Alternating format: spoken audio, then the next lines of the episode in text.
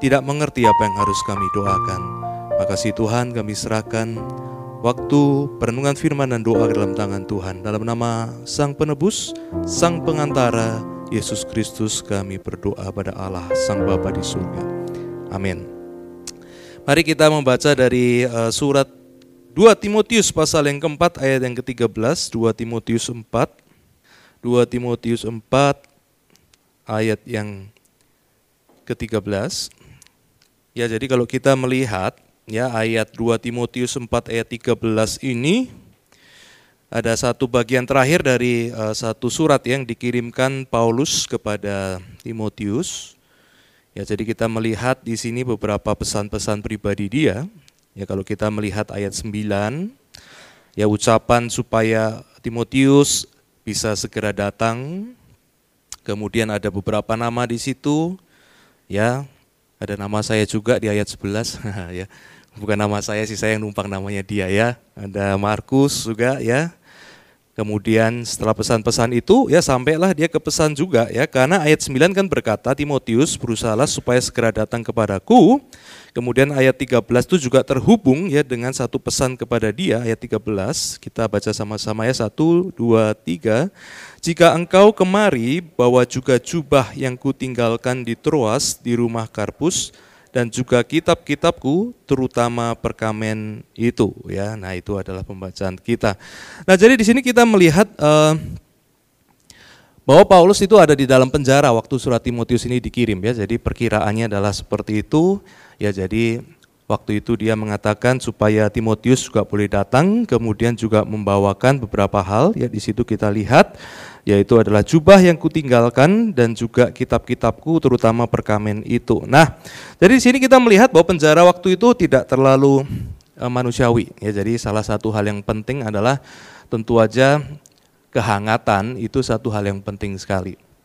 Jadi uh, penjara zaman dulu itu cenderung tidak manusiawi, ya seadanya saja. Jadi nggak heran bahwa Paulus juga sadar bahwa tubuh itu butuh satu kehangatan, butuh satu perlindungan.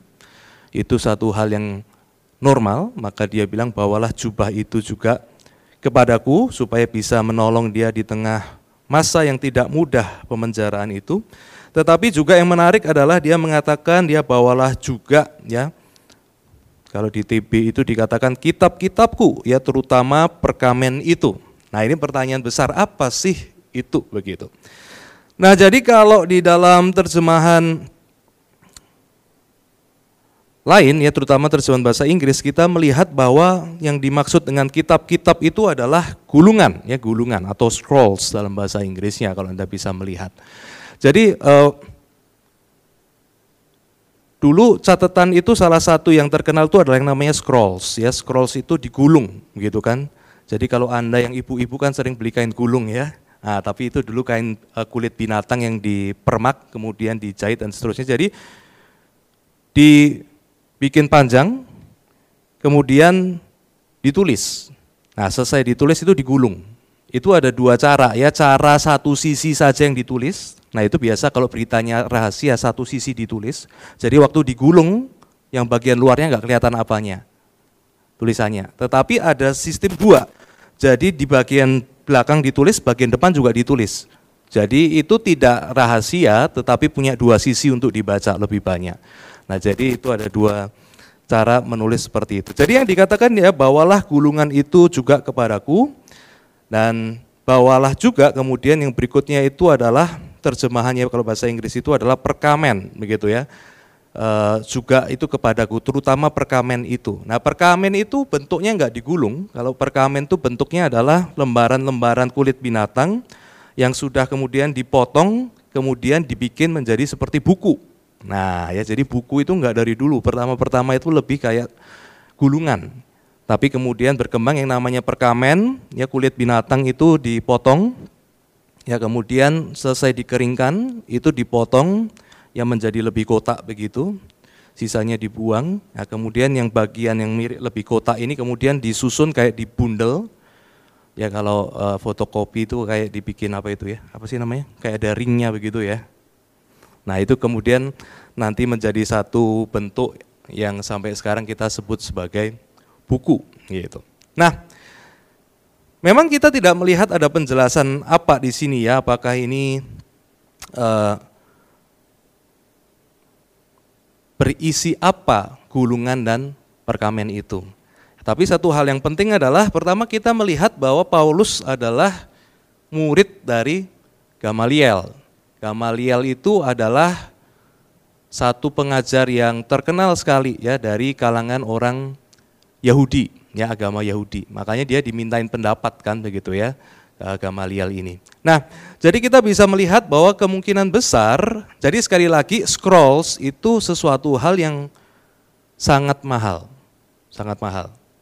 Makanya kalau kita misalkan ikut di PAS dan sebagainya pemahaman Alkitab Sabtu, kita tahu bahwa kalau kita melihat Alkitab, Alkitab itu selalu banyak cara-cara atau susunan sastra yang seharusnya itu membuat kita kalau kita tidak baca kita masih nempel. Misalkan kitab Amsal.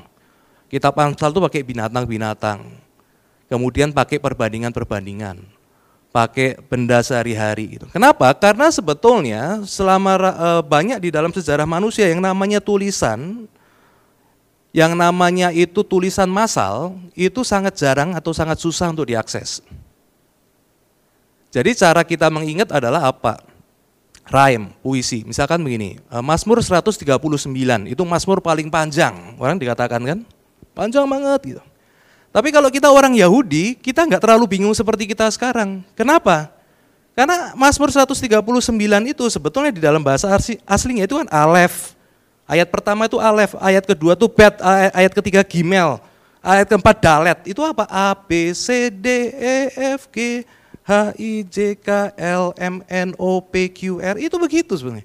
Jadi buat orang Yahudi waktu mereka menghafal, uh, dengar Mazmur 139, dia ingat, oh alef. Kemudian ayat kedua dimulai pakai huruf bet, pakai B.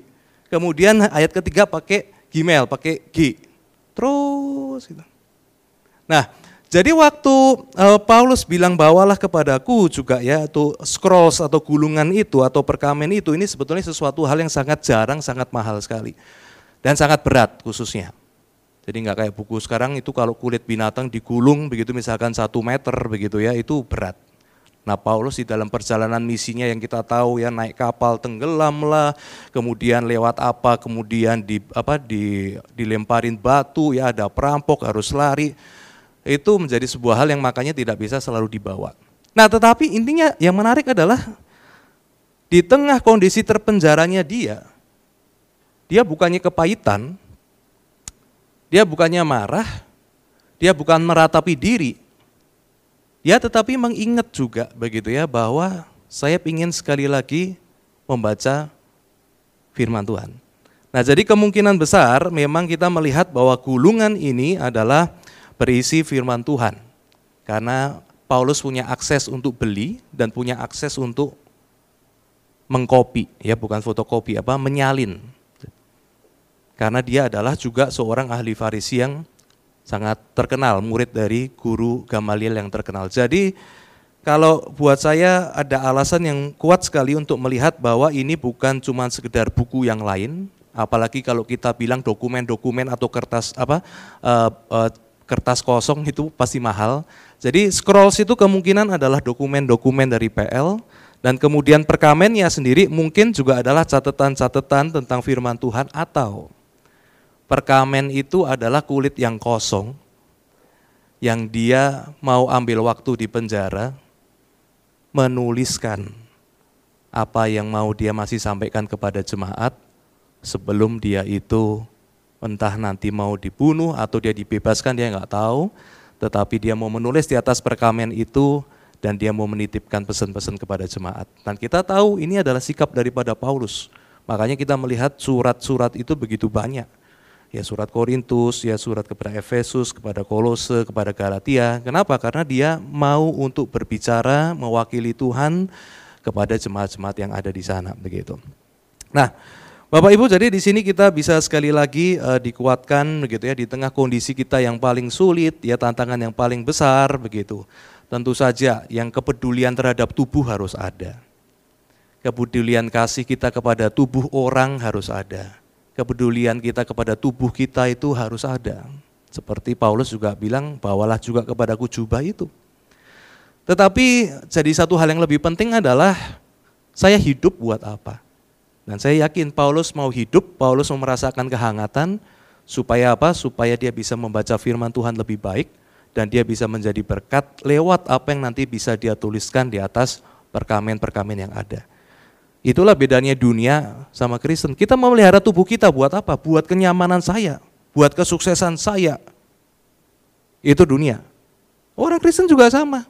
Kita memelihara tubuh kita, kita memelihara kita punya jam tidur, jam bangun, kita memelihara itu kita dengan kesehatan. Tujuannya apa? Tujuannya lebih daripada apa yang dunia. Kalau dunia mentok di dunia, tapi kalau orang Kristen tujuannya itu mentok kepada kerajaan Allah. Dengan saya hidup, dengan saya dalam kondisi yang baik, apa yang bisa saya persembahkan kepada Tuhan lebih. Dan juga begitu kita mempersembahkan kepada Tuhan lebih, Tuhan juga berkata, sama seperti hukum yang pertama, kasihlah Tuhan dengan segenap hati, pikiran, dan tenagamu. Kasihlah juga sesamamu seperti engkau mengasihi dirimu sendiri. Nah ini adalah satu hal yang Paulus eh, lakukan ya di dalam kita melihat apa yang terjadi di dalam kehidupannya, kurang lebih itu uh, eh, 2000 tahun yang lalu juga begitu. Nah, jadi lewat ini kita bisa melihat bahwa firman Tuhan nah, itu ada satu hal yang penting di dalam kehidupan kerohanian daripada Paulus. Nah, daripada kesempatan ini saya juga mengajak kita untuk melihat begitu ya eh, apa yang bisa kita praktek rohani yang hari ini saya mau ajak kita untuk pikirkan itu adalah di dalam sejarah gereja ada cara untuk uh, untuk meniru juga kerohanian dari Paulus. Nah itu yang saya sebut, eh bukan saya sebut, yang saya perkenalkan itu sebagai namanya itu Lexio Divina. Lexio Divina, ya Lexio itu nanti kalau kita tahu bahasa sekarang itu jadi lecture, lektor, lecturer, pengajar, dosen, lecture itu dari Lexio ini. Jadi lexio itu artinya adalah membaca. Divina itu nanti dalam bahasa Inggris menjadi divine. Divina, divine, ilahi, Tuhan. Jadi lexio divina adalah membaca hal-hal yang ilahi, membaca secara ilahi. Nah, jadi lexio divina uh, itu adalah sebuah kesempatan di mana kita membaca Alkitab tetapi juga kemudian kita merenungkannya, kita mengalami hadirat Tuhan. Nah, itu adalah satu hal dari Lexio Divina yang menarik. Nah ini menjadi hal yang penting karena di dalam dunia modern kita melihat begitu ya. Kalau kita melihat ini generasi kita sekarang atau generasi kita sebetulnya. Karena pembacaan Alkitab itu menjadi dua gelombang besar setelah Enlightenment atau setelah abad pencerahan, abad ke-16 begitu ya yaitu bahwa Alkitab itu tidak lagi dipandang hanya sekedar sebagai firman Tuhan atau pesan Tuhan, tetapi juga dipandang sebagai yang disebut itu dokumen sejarah. Nah ini nanti berkembang, ya yang terus memelihara akan melihat Alkitab itu sebagai firman Tuhan, itu nanti kita kalau kita bikin singkat pendek itu nanti disebut kalangan Injili. Melihat Alkitab itu sebagai Injil firman Tuhan keselamatan. Nanti satu golongan besar yang lebih berat ke ilmu pengetahuan, yang lebih berat bukan berarti evangelical atau injili itu enggak ada, ilmu ada, tetapi yang kemudian lebih melihat Alkitab itu ke dokumen sejarah, itu yang nanti disebut sebagai Kristen liberal kalau Anda keluar. Jadi nanti kalau Anda melihat di sini ada, oh itu sekolah liberal, Kristen liberal, ya Anda ke Amerika Serikat kemudian, oh ya itu seminari liberal, maksudnya adalah mereka yang melihat Alkitab itu terutama sebagai dokumen manusia atau dokumen sejarah saja. Nah, itu biasa disebut sebagai liberal gitu ya. Nah, jadi akibatnya di dalam membaca Alkitab itu kita ada merasa tarikan ya di satu sisi ada yang terlalu mistis ya dibaca pokoknya mistis begitu ya. Wow ini ya pokoknya berhubungan selalu semua sama akhir zaman ya, sama hal-hal roh-roh gitu ya. Ada yang mistis, ada yang sebaliknya yaitu adalah Alkitab itu nggak bisa dipercaya. Alkitab itu banyak kontradiksi. Ya kita harus cek Alkitab dan sebagainya. Ini dua hal yang salah begitu. Dan saya rasa sebagai uh, gereja yang uh, evangelical begitu ya, Injili ya kita memelihara satu posisi yang sepatutnya. Ya di satu sisi ada sisi supranatural dari Alkitab yang harus kita terima, tapi di satu sisi ya Tuhan pasti berbicara secara supranatural dan di satu sisi yang supranatural ini berbicara berbicara, bertindak di dalam apa dunia yang natural, di dalam sejarah. Jadi dua-duanya ini memang mesti seimbang. Kalau tidak seimbang, pasti kemudian pesannya nggak betul. Ya karena kalau semua rohani begitu ya, semua di, bukan rohani, semua dimistikkan, akhirnya jadi apa? Jadi klinik. Alkitab itu jadi untuk ngusir setan, untuk bisa dapat cuan, jadi klinik. Ya. Tapi kalau cuma sekedar firman Tuhan itu adalah uh, dokumen manusia saja, maka Alkitab nggak bisa jadi pengharapan. Nggak ada pengharapan. Nggak ada kehidupan setelah kematian. Nggak ada bahwa segala sesuatu terjadi untuk mendatangkan kebaikan bagi orang yang mengasihi dia. Nggak ada. Kenapa? Karena itu cuma buatan manusia. Nggak ada yang menjamin perkataan itu. Nah, tapi evangelical melihat bahwa Tuhan itu ada dan Tuhan itu bekerja di dalam dunia ini dan itu menjadi sebuah kekuatan di dalam kita mendekat kepada Dia. Nah jadi membaca kitab suci itu sekedar bukan hanya sekedar kita meneliti tetapi seharusnya menjadi sebuah relasi yaitu yang Lexio Divina katakan kepada uh, ajarkan kepada kita ya begitu. Nah Lexio Divina itu terdiri ya dari empat tahapan yaitu pertama adalah kita membaca kita Lexio. Kedua kita itu membaca uh, membaca secara perlahan. Lexio Divina bukan membaca kemudian mencari tahu artinya kemudian mendeskripsikan Oh Bapak kami yang di surga, oh berarti yang Bapak di surga itu dia nggak ada di bumi, dia itu transenden, dia itu ada e, berbeda dari kita begitu ya.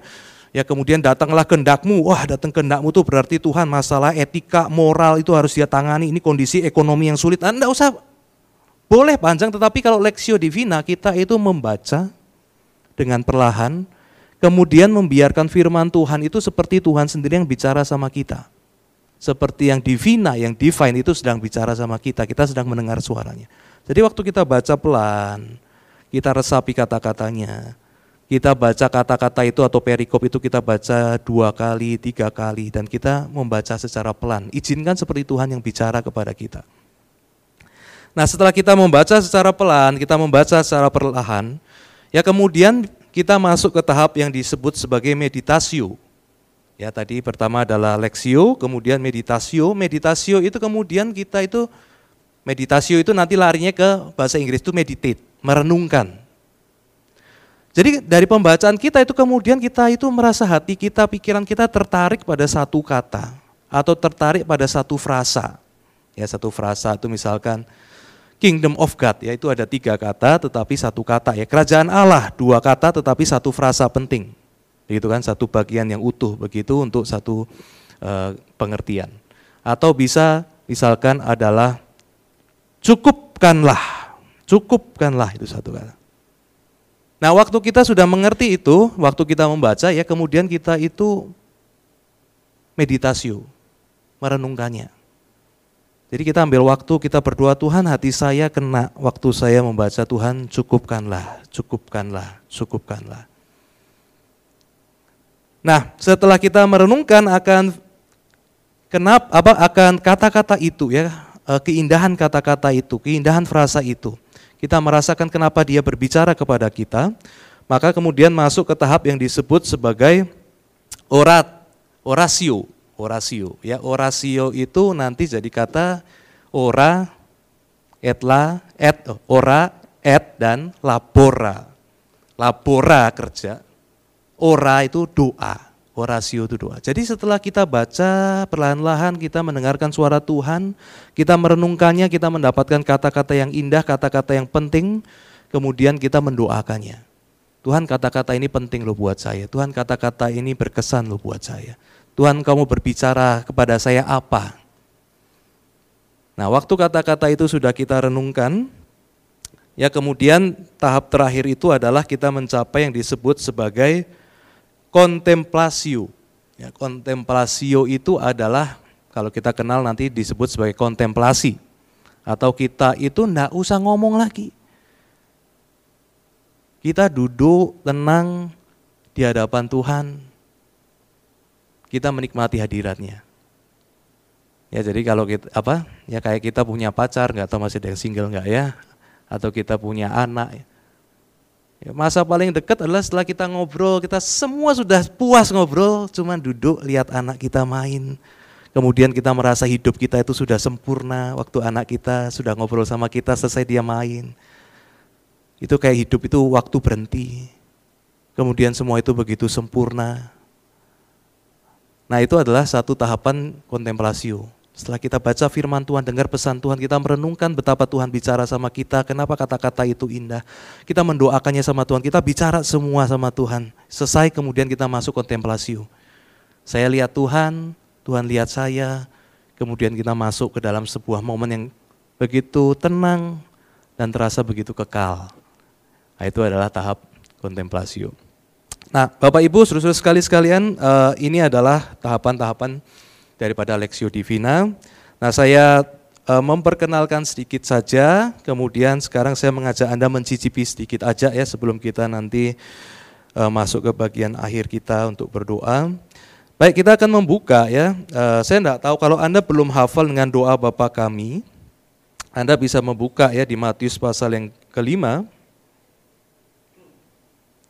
ya maaf, Matius pasal yang ke-6 ayat yang ke-5 sebetulnya sampai ayat yang ke-15 tetapi kita akan fokus aja kepada doa Bapa kaminya dari Matius pasal 6 ayat yang ke-9 sampai ayat yang ke-13 ya kalau belum hafal Anda bisa membacanya di situ ya kalau sudah hafal Anda juga bisa mengucapkannya sambil merenungkannya baik-baik karena ini adalah satu doa yang sudah sangat terkenal.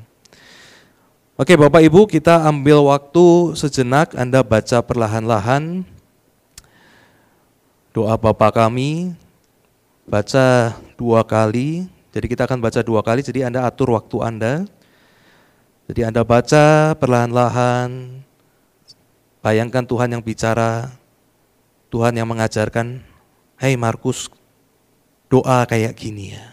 Terus dengarkan, Bapa kami yang ada di surga dikuduskanlah namamu. Datanglah kerajaanmu. Jadilah kehendakmu di bumi seperti di surga. Berikanlah kami pada hari ini makanan kami yang secukupnya. Dan ampunilah kami akan kesalahan kami seperti kami mengampuni orang yang bersalah kepada kami. Dan janganlah membawa kami ke dalam pencobaan, tetapi lepaskanlah kami daripada yang jahat. Karena engkaulah yang empunya kerajaan dan kuasa dan kemuliaan sampai selama-lamanya. Mari kita baca sekali atau dua kali lagi masih ada waktu. Mari kita memasuki orat orasio. Mari kita menutup mata kita, tidak membaca lagi, dan adakah satu atau dua kalimat yang mengena ke hati kita? Kita doakan itu kepada Tuhan. Bapa kami surga.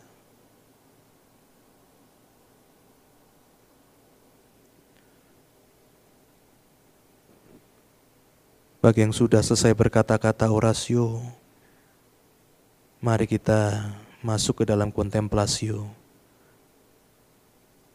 Kita menenangkan diri di hadapan Tuhan kalau pikiran kita masih banyak pikiran-pikiran, masih banyak kata-kata yang terus berseliweran dalam pikiran kita.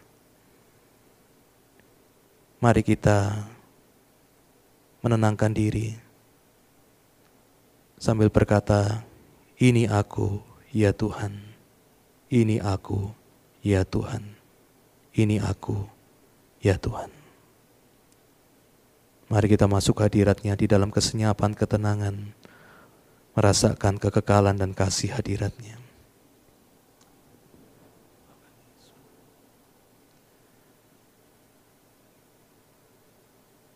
Tuhan, inilah hidupku, ku serahkan kepadamu. Mari dengan tetap tenang dan mata tertutup, kita bangkit berdiri, Kemudian bersama-sama Dengan tenang kita, dengan tenang, dengan lembut, dengan perlahan kita berdoa, Bapa kami, Bapa kami yang ada di surga, dikuduskanlah namamu, datanglah kerajaanmu, jadilah kehendakmu di bumi seperti di surga.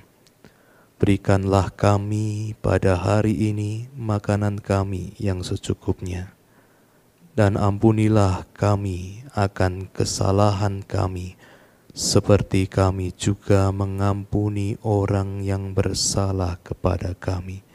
Dan janganlah membawa kami ke dalam pencobaan, tetapi lepaskanlah kami daripada yang jahat. Karena engkaulah yang empunya kerajaan dan kuasa dan kemuliaan sampai selama-lamanya. Amin.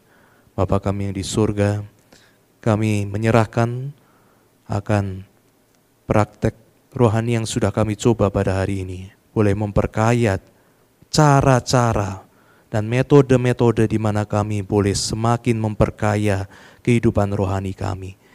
Dan kami juga berdoa supaya Engkau boleh memberkati akan ibadah kepada Tuhan pada besok hari. Kiranya juga boleh Tuhan pakai sekali lagi supaya boleh membawa kami semakin dekat kepada Tuhan. Supaya kami melalui ibadah yang ada boleh kembali dari jalan kami yang sesat kepada jalan yang benar, supaya melalui ibadah kepada Tuhan, kami boleh sekali lagi disadarkan bahwa kami tidak hidup buat diri kami sendiri, tetapi kami mau hidup buat Tuhan. Dan biarlah melalui ibadah besok, kami juga boleh disadarkan sekali lagi betapa indahnya keselamatan daripada Tuhan. Karena Tuhan memanggil kami untuk boleh datang ke hadiratnya dalam Yesus Kristus kami ditebus, kami dipanggil masuk ke dalam rumah Tuhan, baik di dunia ini maupun suatu saat dipanggil masuk sungguh ke dalam kerajaan Allah untuk boleh bersama-sama dengan Tuhan. Berkati Tuhan, ibadah minggu besok menjadi sebuah ibadah di mana hadirat Tuhan nyata. Berkati setiap pelayan-pelayan yang akan melayani. Berkati setiap jemaat datang dengan hati yang sungguh-sungguh rindu haus akan Tuhan dan juga berdoa supaya Tuhan bagi mereka yang masih nyaman dengan ibadah online, padahal bisa datang mencari Tuhan di dalam gereja Tuhan mereka juga boleh tergerak dan besok boleh sungguh-sungguh memulai perjalanan mereka juga untuk boleh datang beribadah di rumah Tuhan. Kami serahkan dalam tangan Tuhan yang masih perlu dijangkau lewat online baik anggota jemaat kami maupun yang bukan. Tuhan berkati juga sarana ini supaya melalui sarana ini juga Nama Tuhan hadirat Tuhan boleh disiarkan melalui pelayanan daripada GKI Suner dan channel kami. Kami serahkan Tuhan ke dalam tangan Tuhan juga untuk seluruh kegiatan-kegiatan gerejawi yang ada hari ini.